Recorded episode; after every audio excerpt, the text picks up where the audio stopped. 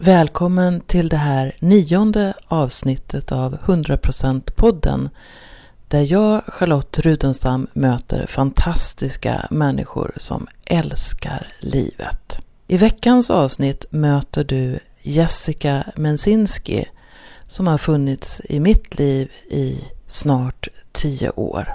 Och för några år sedan så fick hon en kallelse. Hon befann sig i domkyrkan i Uppsala och blev kallad till att bli präst. Och om några månader så kommer hon att prästvigas i Lund. Jessica Mensinski är en av de mest energiska och målmedvetna människor jag vet. När hon har bestämt sig för någonting så når hon dit, vilka svårigheter hon än möter på vägen. Du möter henne i ett djupt samtal som vi för i Landskrona. Och du får också höra att hon menar att allt som händer oss i livet kanske inte är meningsfullt. Välkommen till att lyssna på ett samtal med Jessica Mensinski som spelades in i juni 2015. Jag sitter med Jessica Mensinski i Landskrona just nu. Vad roligt att jag får komma till dig. Och det är roligt att ha dig här Charlotte.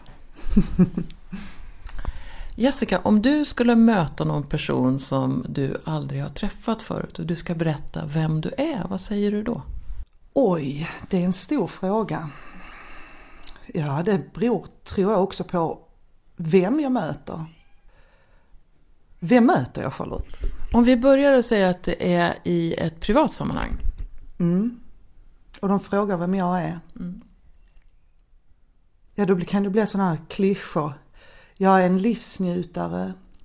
Jag tror på Gud. Jag tror på människans egen kraft. Jag tror på min egen kraft och jag tror på alla människors eget helande.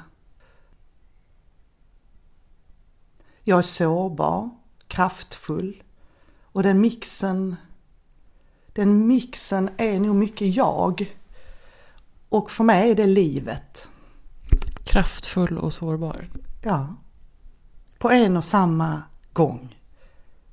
Faktiskt. Så vad består din kraftfullhet av? Det har jag funderat på många gånger, var den kraften kommer någonstans ifrån. För jag, redan som liten hade jag någon slags driv i mig. Jag skulle framåt och eh, över och under. Det var, var, väldigt svårt tror jag att fostra detta lilla eh, vildtroll som jag redan var då. mer, mer strukturerad idag får jag hoppas. Men eh, jag är nog född med den kraften och vi har alla olika nyanser av den kraften, alla människor.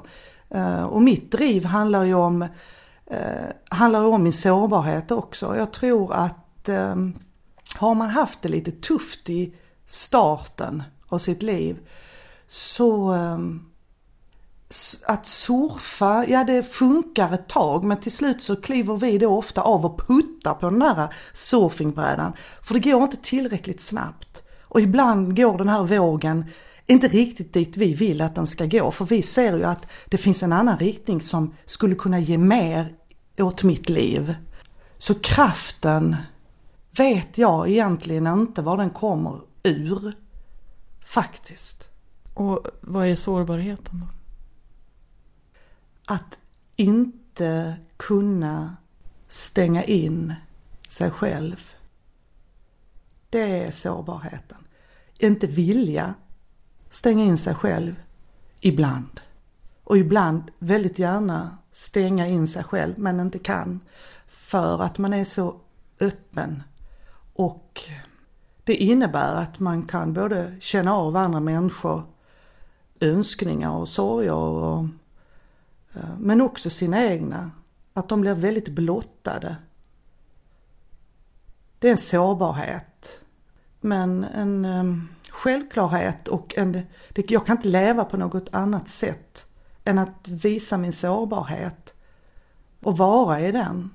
För mig är jag närmare livet då jag känner pulsen av livet. Jag känner nu, nu är det nog lite illa Jessica. Nu har du nog dratt iväg åt fel håll. Och så kan jag bromsa upp det och, och ta rätt riktning igen, vad som nu är rätt. Det kan vara bumpor, det kan ju vara snedvägar det också va, men sårbarhet är att vara närvarande. Och det är också någonting jag aldrig har valt. Det är också någonting som jag har varit från första början på något sätt. Kan man säga att du har varit de här sakerna från första början och nu vågar du leva det också? Jag har nog levt det så hela tiden men jag är mycket mer medveten om det nu. Mycket mer medveten. Och jag kan styra det på ett annat sätt. Och jag kan använda det i, mitt, eh, i den jag är och den jag ska bli arbetar med och så. Har arbetat, arbetat med den här kraften och sårbarheten genom hela mitt vuxna liv. Men det är nog inte sen, ah, det kanske är fem år tillbaka. När jag fyller 40 så börjar jag inse, ah, är det detta det handlar om Jessica? Eh, du kan faktiskt välja att styra de här eh, kraften och sårbarheten och, ha det, och, ha, och att det blir mer fokuserat. Eh, för kraft kan ju spritta åt alla håll och kanter och då blir inte så mycket gjort egentligen. Vad var det som gjorde att du, att du lyckades samla ihop dig? Det var faktiskt när jag började plugga på universitetet för fem år sedan när jag fick mitt kall. Det var en sån väldigt tydlig eh, ändring i mitt mentala jag. Och kallet var ju att bli präst. Och jag vet att jag hade en dialog med Gud och sa ja men om jag ska gå in och göra detta så måste du veta om att jag vill inte förändra mig. Det här och det här och det här och det här och det här måste jag få vara kvar och få, jag måste få vara jag. Jag var ju livrädd för att mitt, mitt kraftfält, om man nu säger det eh, på det sättet, skulle bli minimerat och försvinnat och förkrympt när jag började läsa. Men det intressanta är faktiskt att det har växt.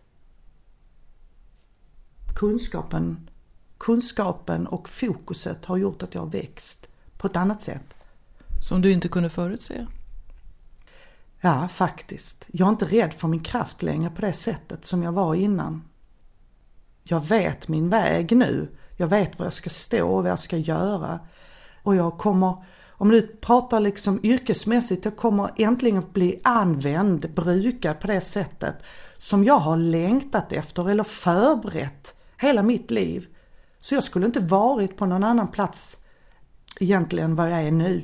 Jag skulle inte blivit präst tidigare heller. så jag... det kommer i rätt tid? Absolut i rätt tid. Absolut är det så. Ser du det som något mystiskt eller magiskt eller hur skulle du, det här att det faller på plats i rätt tid, hur, hur, hur ser du på det? Jag tror, för mig är det så att den här eh, bilderboken som skulle kunna vara mitt liv har alltid legat där. Bilderna har varit förberedda, de finns där. Och det är jag som färglägger dem. Men konturerna finns där. Men jag har inte sett varje sida. Jag har inte vetat vad nästa sida ska vara. Jag bara har en förnimmelse att jag ska vända blad. Det är det som är drivet, kraften. Förlåt, vad var det du frågade? vad var det du frågade? Jo, jag frågade om, om eh, det här att det plötsligt faller på ja. plats, hur du ser på att det gör det och så blandade jag in mm. orden, kan det finnas något mystiskt, något magiskt mm. eller eh, går det att beskriva på något annat sätt? Jo men bilderboken är ju, är, ju väl ifylld nu. Jag kan bläddra tillbaka och se eh, mitt liv tillbaka och varför jag gjorde de valen som jag gjorde. Med, väldigt medvetet. Så det är inte så att kraften har liksom bara gjort att jag har farit omkring och gjort eh, konstiga beslut. I andras ögon kanske det har varit det men för mig har det varit väldigt medvetet. Men nu är ju bilderboken nästan, nästan färdig på något sätt. Och det gör ju också att jag kan se, aha, det är det här det skulle leda fram till. Och för första gången i mitt liv när jag står i en kyrka och predikar så är jag verkligen så fullständigt jordad och så väldigt säker på, på vem jag är och vad jag ska göra. Så om det här, det här magin eller mystik, mystiken i det hela, ja det tror jag genomsyrar hela, hela livet. Om man, är, om man vill se på livet på det sättet, med de glasögonen. Så mystik eller magi om man säger så, är ju gör ju livet mer um, innehållsrikt. Fast inte så nåbart. Vi vill, allting ska vara så konkret många gånger. Så här, så här, så här ska det bli. Men jag kan ju vila i någonting annat. Jag vilar faktiskt i Gud. Jag vilar i att nu är jag här. Nu har jag gått hela denna långa utbildning. Jag har kämpat. Jag har dratt mig igenom. Och det har inte varit lätt. Absolut inte. Så lidandet på någonstans på denna väg har hjälpt mig också att bli ännu starkare. För det har faktiskt varit ett lidande ibland. Men, men mystiken har alltid varit med mig i mitt liv. För jag tror på det som inte alltid är synligt. Jag tror, jag tror på eh, jag tror ju på någonting som inte är synligt för blotta ögat. Och jag har alltid haft den tron med mig. Och den kommunikationen med det som vi kallar Gud. Så en känsla av att det, det, världen är större än det vi ser och kan uppfatta med de fem sinnena? Absolut. Men vi, vi människor är mycket större än, än vad vi tror att vi är. Bara det lilla att vi vågar släppa in sårbarhet, vågar erkänna att ja, jag är rätt kass faktiskt. Det här, jag, är, jag är bristfällig, jag kan inte det här. Då blottar vi oss också och då tror jag att vi öppnar upp delar av oss själva som, som vi längtar efter. Och bara det är magi. Jag tror på det här att, att ju mer vi vågar möta oss själva, det är också lite klyschat, jag vet det. Vi måste våga möta oss själva, men det är ju sant. Och det är ingen annan som gör det åt oss. Det är vi själva som måste öppna. Sen kan vi bli vägledda på olika sätt. Men vi, ehm, vi måste göra arbetet själv. Vem är det som vägleder? Ja, vem är det? För mig, jag, jag tror ju på att Gud finns i varje människa. Jag tror på att det här kärleksfröet finns redan innan vi föds. Och det är det som är det stora att vi har vår egen sanning inom oss. Eh, och vi har svaren inom oss. Och det kan ibland vara provocerande de svaren. Det kan kräva otroligt mycket av oss själva tror vi. Det kan handla om beslut som vi inte vill ta. Eller se någonting om oss själva som vi inte vågar se. Men vi har svaren inom oss. Och den som vägleder oss, det är vi själva. Och sen finns det de som kan hjälpa oss att öppna de här dörrarna på olika sätt. Och det kan ju vara, det kan vara genom musik, det kan vara genom poesi, det kan vara genom ett samtal, ett möte. Det kan vara en klok människa man möter på bussen. Men jag tror på vårt eget helande. Jag tror på att vi har kraften att hela oss själva. Så det här att be till Gud, gode Gud, hjälp mig, hela mig. Det är egentligen inte att be utåt kosmos, att det är någon kraft utanför mig själv som ska hjälpa mig. Utan det är en bön inåt. När jag sitter med dig, vi sitter på din säng i en fantastisk paradvåning mitt i Landskrona. Vi känner ju varandra sedan, sedan förut. Och jag har någonstans i mitt minne att Landskrona är en viktig plats för dig. Mm. Hur är det för dig att vara i Landskrona nu och kan du se att det finns någon koppling till, till ditt liv? Ja, det är en intressant fråga Charlotte. Det, är, det finns en, jag är säker på att det finns en stark koppling. Jag trodde aldrig att jag skulle komma tillbaka hit igen.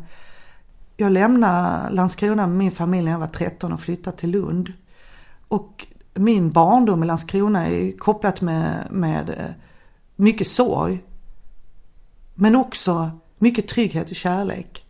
Som jag fick från min mormor så. Ehm, sen har jag ju en fantastisk kvinnohistoria bakom mig som är kopplad till, till slottet här och ensamstående kvinnor som har klarat sig igenom svårigheter. Svårigheter som man inte skulle kunna tro själv att man skulle klara av idag. Så för mig är min kvinnohistoria så förknippat med Landskrona och nu bor jag ju faktiskt 300 meter ifrån slottet. Och jag går där nästan varje dag. Och det känns som jag tar tillbaka den sorgen som, som den miljön faktiskt har skapat för min, min familj. Läker du något i kvinnolinjen så att säga? Ja, jag tror det. Och att jag bor här, i ensam med mina barn, i denna paradvåning. När min egen gammelmormor fick gå från stationen eh, som då fanns mitt i Landskrona med alla andra skamfyllda kvinnor, prostituerade, kvinnor som stal, kvinnor som inte uppförde sig som man skulle uppföra sig. De fick gå från tåget i Landskrona genom hela stan. Folk stod och kastade saker på dem, spottade på dem och så gick de in på slottet och så stängde man. Det var ju egentligen också en fånganstalt på den, kvinnofängelse på den tiden. Eh, och så skulle de botas från det skamfyllda som de hade gjort. Så för mig är, är detta, ja jag känner det, att det finns en, framförallt när jag flyttade hit här för två år sedan, känns, känns som att det finns en resning i detta. Och som avslutas tror jag också, med mig på något sätt i den här, i den här miljön. Är det inte märkligt det där hur livet tar en till platser och till människor och det finns säkert andra utbildningar som, som, som man behöver möta på något sätt. Jag förstår inte riktigt frågan. Nej, jag bara tänker att, mm. att det finns någon, någon... Du kommer tillbaks till Landskrona, mm. det finns ja. ingen plan i det. Men det är som att det finns ändå någon slags plan i att här finns en möjlighet att läka. Och sen så kanske du möter en person så får du göra en, en resa med den personen som mm. kanske man inte förstår från början. Varför skulle jag göra det här? Mm. Du får en kallelse till att bli präst mitt i livet. Ja det är, det är jätteintressant och då handl, för mig handlar det då om att, att snappa upp. För jag bodde ju eh, i Magnarp, Vejbystrand, eh, för två år sedan och hyrde ett hus där. Och de hade sålt det, eh, ägarna. Så jag var tvungen att hitta någonting nytt. Jag hittade ingenting. Ingenting i Ängelholm, ingenting ute i Magnarp. Och tiden gick. Och en kväll så körde jag på väg ner till Lund. Och så säger jag, Gud nu, nu, eh, nu har jag försökt allt. Nu är det två månader kvar och jag har ingenstans att ta vägen med barnen. Jag är förtvivlad, jag vet inte vad jag ska göra. Och då kommer det upp i fönsterrutan, alltså det, man kan ju tycka vad man vill om detta, men det kommer upp Landskrona i den här, vad heter rutan? Ja, du jag och bilar. Backspegeln? Nej, alltså sidrutan, första där man kör ja, tittar ja, ut. Ja, ja. Fönster, mm. Framrutan heter ja. det ja. ja. Vindrutan heter det kanske. Vindrutan. Landskrona kommer det upp och jag, jag Landskrona, ve och fasa. Tänkte jag, du kan inte mena allvar. Så du kan inte mena allvar, jag ska inte tillbaks till Landskrona. Kom det upp igen, Landskrona, Jaha, tänkte jag. Som vanligt då, då måste jag ju kolla upp det här. Och då låg den här lägenheten ute. Och den blev min. Så, så konstigt det så konstigt och så fantastiskt kan det vara. Det var precis som när jag blev kallad till präst. Då satt jag inne i domkyrkan i Uppsala. Jag hade precis startat upp mitt företag. Coacha kvinnor eh, till en, ett bättre ett njutning, mer njutningsfullt liv, ett mer levande liv. Och hade kommit igång med det och höll workshops och kände wow nu, nu, nu händer något spännande. Och så kommer det här, Gud kalla. Väldigt starkt och kraftfullt på att nu ska det dags. Och jag frågar vad är, det, vad är det som är dags? Du ska ju bli präst. Och det kan ju inte jag i min vildaste fantasi. jag bara, men Gud, hur kan du säga det här? Du vet ju vad jag håller på med. Jag kan ju inte blanda ihop det här. Varför inte? Det är det som är meningen. Och sen går jag ut ur domkyrkan. Alltså det här samtalet sker ju inuti mig själv. Och faller i, i en sån frid och samtidigt en sån sorg och glädje, mix av alltihopa. Ja, det är ju så. Det är klart, detta, jag ska bli präst. Sen vet vi ju om att jag bestämmer inte helt och hållet det själv, man måste ju bli antagen också och så. Men det var verkligen så, det klickade ihop. Och nu har jag läst snart fem år. När du ser framåt och ser dig som präst, vem ser du då? Jag önskar innerligt eh, att jag får fortsätta vara den här rebellen som, som bor i mig. Och vi hamnar, kyrkan i, kyrkan i alla tider mer eller mindre har ju en struktur som är fyrkantig och den har ju behövts också för det är en enorm organisation. Och samtidigt så finns det en sån otroligt vacker kärna som pulserar av liv och kärlek och eh, acceptans och bara vill flöda över och ut i samhället. Eh, och, och det är den, det är det flödet jag vill vara del av. Innan var jag en kreativ gränssprängare. och kanske på något sätt, inte gränssprängare sådär dramatiskt, men, eh, eh, men att driva gränserna dit de ska vara egentligen. Tillåta din kreativitet? Ja. Och det som är sant. För ju sannare jag är, att gå in i kyrkan är ju för mig i början, oj oj oj, nu måste jag bli så här, nu ska det vara så här. Men så är det verkligen inte. För ju mer jag är mig själv, desto större blir jag och desto mer kommunikativ blir jag. Och det som kommer ur mig är ju, är ju en sanning eftersom den är landad i mig först och främst. Så för mig att vara präst om ett halvår, um, det är ju en gåva. Det är verkligen en gåva. Ehm, och jag känner ett jätteansvar för den uppgiften. Jag har ingen aning om vad som kommer ske med mig. Jag bara känner att jag vill bli brukad och att de använder den kompetensen som är jag. Och visst, jag är redo. Jag vet att jag kommer provocera. Det vet jag, för det är det som ploppar upp ut ur munnen på mig är ju inte alltid det som ska sägas i rätt, vid de tillfällena. Men jag känner att så länge jag är förankrad i Gud och den kärlek som, som finns i mig så, så blir det rätt. Finns det någon koppling till kärlek? Enbart kärlek. Faktiskt, enbart djup, passionerad förälskelse är det. Jag är djupt förälskad. Och när jag, är, jag ska inte bli nunna.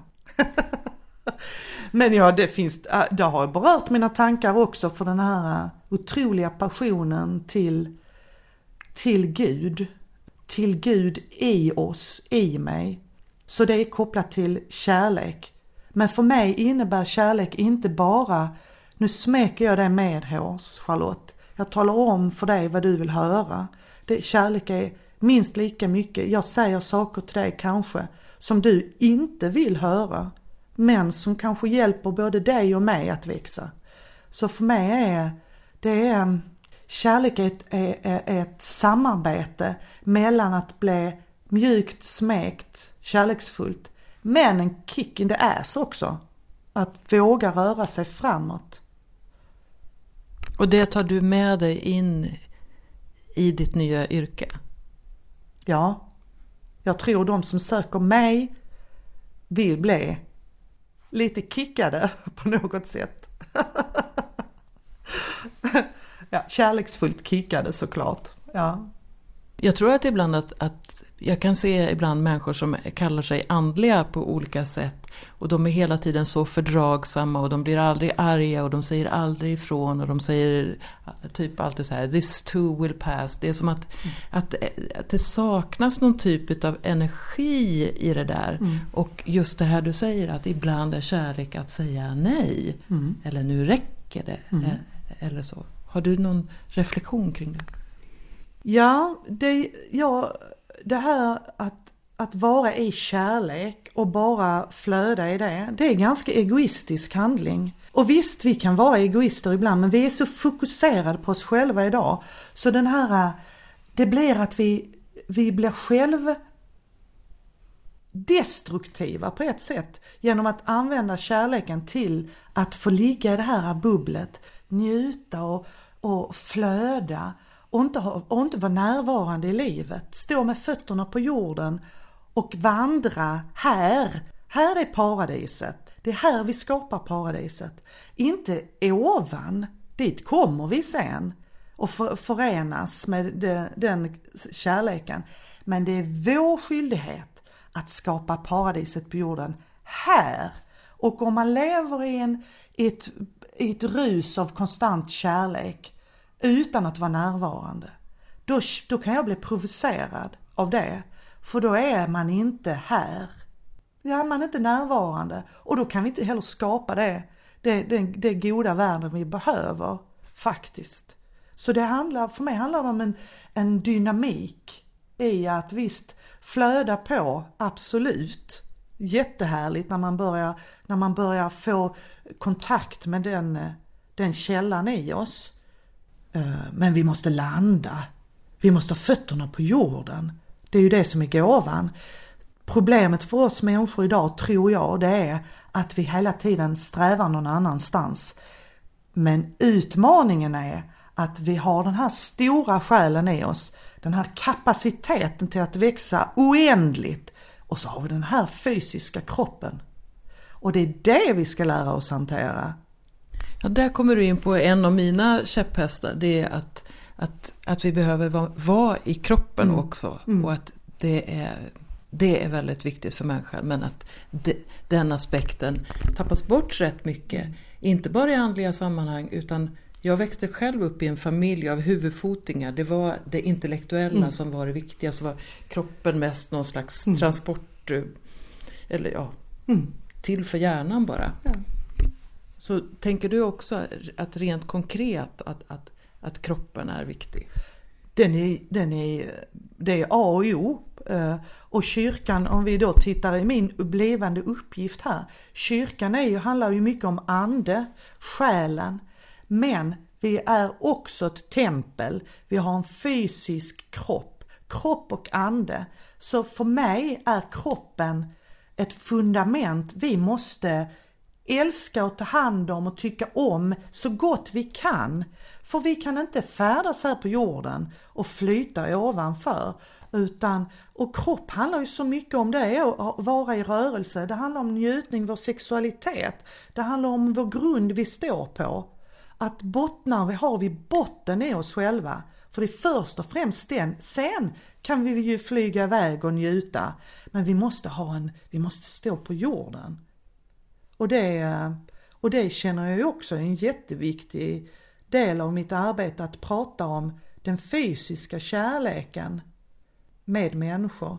Och eftersom jag nästan är skamlös Nej, men jag, jag, har, jag är ju rätt så befriad och har gjort ett jättearbete med det.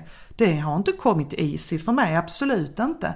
Men jag känner också att en del av min uppgift att prata om det fysiska, den fysiska kärleken också. Där tror jag kyrkan har en stor uppgift att möta människor i den bristen, för vi har en jättebrist, många av oss, av att våga bli fysiskt älskade också. Det är oftast därför vi flyr i den, den själsliga kärleken, in i vår själ. Men vi måste ju älska det som är utanpå också, integrera de två, det är det som är så fantastiskt. Hur vi än ser ut, hur gamla vi än är, så är, är ju kroppen fantastisk. Tycker jag. Ja, och ju mer vi kan gilla den, ja. desto bättre ja. är det ju. Ja. Du sa en del av min uppgift, så du har en uppgift? Ja.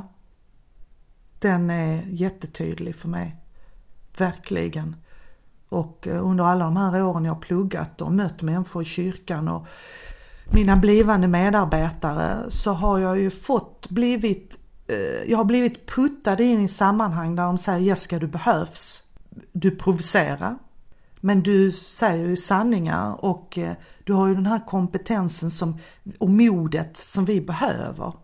Så jag kan ju känna att jag har en stor uppgift och det handlar ju kanske inte om att jag ska stå och predika om sex, det är absolut inte det jag pratar om. Men att öppna dörrar och göra det odramatiskt. Helt, för det är ju odramatiskt egentligen. Våra kroppar och våra själar. Det är egentligen väldigt, väldigt enkelt.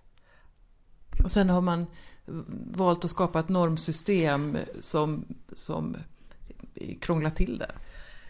Det är ju otroligt alltså vad vi kan krångla till saker och ting. Och, jag tror det där handlar om rädsla. Vi måste krångla till det för att annars, så här enkelt kan det ju inte vara. Det kan inte vara så här enkelt. Så, eh, att, att man lägger sig ner på en säng och eh, man blundar och helt plötsligt är det, är det en känsla av att att jag älskar mig själv. Att hjärtat helt plötsligt börjar slå långsammare och jag kommer till tårar kanske eller skratt. Alltså, det, nej men så enkelt kan det inte vara. Vi människor är så komplicerade. Nej, vi är så enkla. Jag tror att när vi lämnar detta jordelivet, då kommer vi skratta och vända oss om sig. Vad höll vi på med? Vi människor på jorden. Ja, jag kan tänka mig eh, att det är så. Jag skulle vilja ta upp en aspekt till och det är så tänker jag att en del utav det här livet är ju också att möta motstånd mm. på olika sätt. Och, och, man kan tolka det ordet också på oändligt många sätt. Mm. Men hur, om jag säger hur hanterar du motstånd? Nu blir jag full i skratt Charlotte. det har ju inte förändrats sedan jag var sex år faktiskt. Motstånd ska erövras. Jag, jag går rakt in i det. Och blir ibland förintad, tror jag. Och jag dör ofta. Jag lägger mig ner nästan och dör. För att jag nästan förintar mig själv. Men jag märker att, oops, ofta i alla fall när jag vaknar upp ur, ur, ur, ur ur, när fågel Fenix och vaknar till och kommer upp till ytan igen så här, nämen, titta, jag ser bakom mig. Det där hindret finns inte längre. Jag är över det. Så hur vi möter våra motstånd, vissa simmar över, andra gräver, gräver sig under, kommer upp underifrån, andra liksom använder paraply som Mary, Mary eh, Poppins liksom. Och jag drar rakt igenom klippan liksom som Stålmusen. Men denna delen av världen, jag anser att vi måste möta våra motstånd. Hur vi gör det, det är ju så olika. Men att välja att vända om och gå tillbaka igen, det accepterar inte jag. Vi kan vara, man kan säga så här, jag är jätterädd, jag ser det här framför mig. Jag, jag, jag ser det som ett motstånd. Fast egentligen är det en möjlighet. Det beror på hur vi ser på det. Och motstånd för mig är rädsla. Eller det kan ju också vara så, det här funkar inte.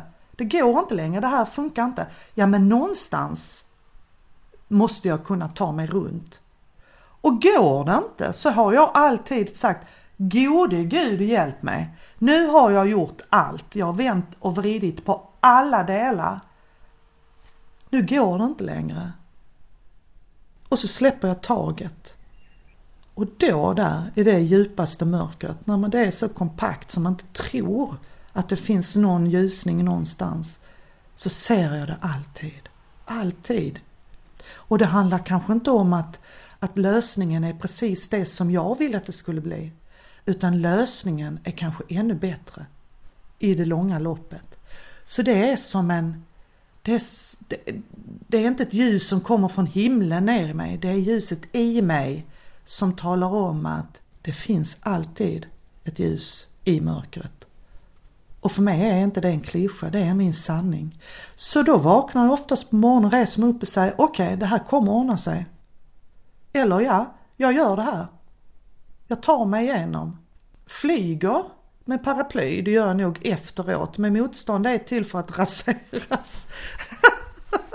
på, på det ena eller andra sättet. För vi, annars kommer motstånd möter vi hela tiden. Livet är upp och ner, upp och ner. Det, vi, så, det, vi tror liksom att åh nu faller jag. Ja, då var det inte det rätt.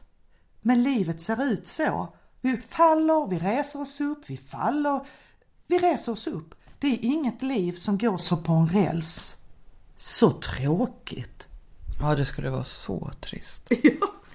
Jag tänker på också så här, eh, det, ibland tar jag beslut det efteråt, funderar på vad var det jag skulle lära mig av det här. Mm.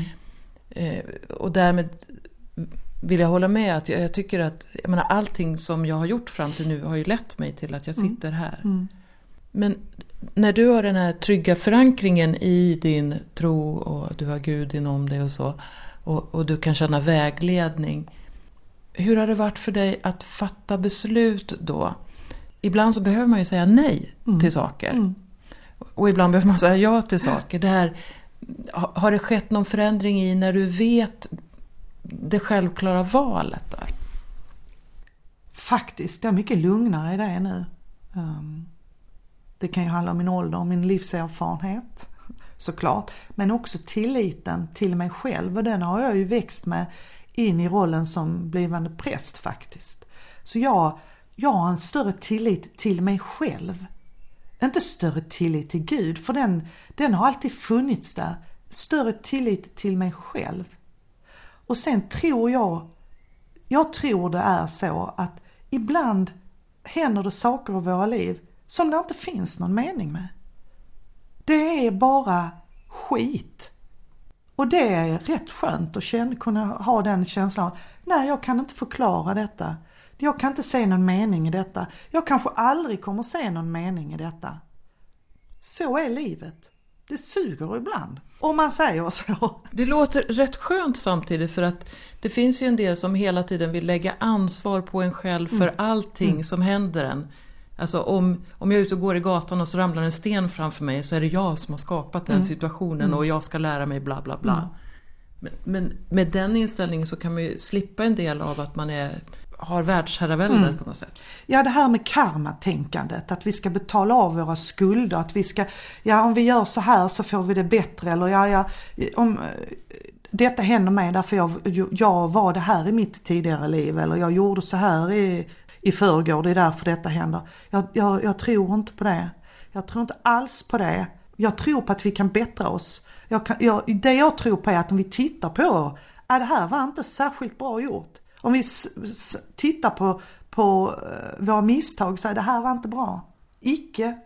Jag ska försöka verkligen och inte göra det igen. Det är att lära sig och ta sitt ansvar. Eh, för vi gör alla våra missar, hela tiden missar vi ju. Det är det som de säger, ja kyrkan pratar om synd, synden och där eh, pekar man finger men synd handlar om att missa målet. Om man översätter det ordet så betyder det, jag har missat målet. Men det finns alltid en möjlighet att hoppa på tåget igen i rätt riktning.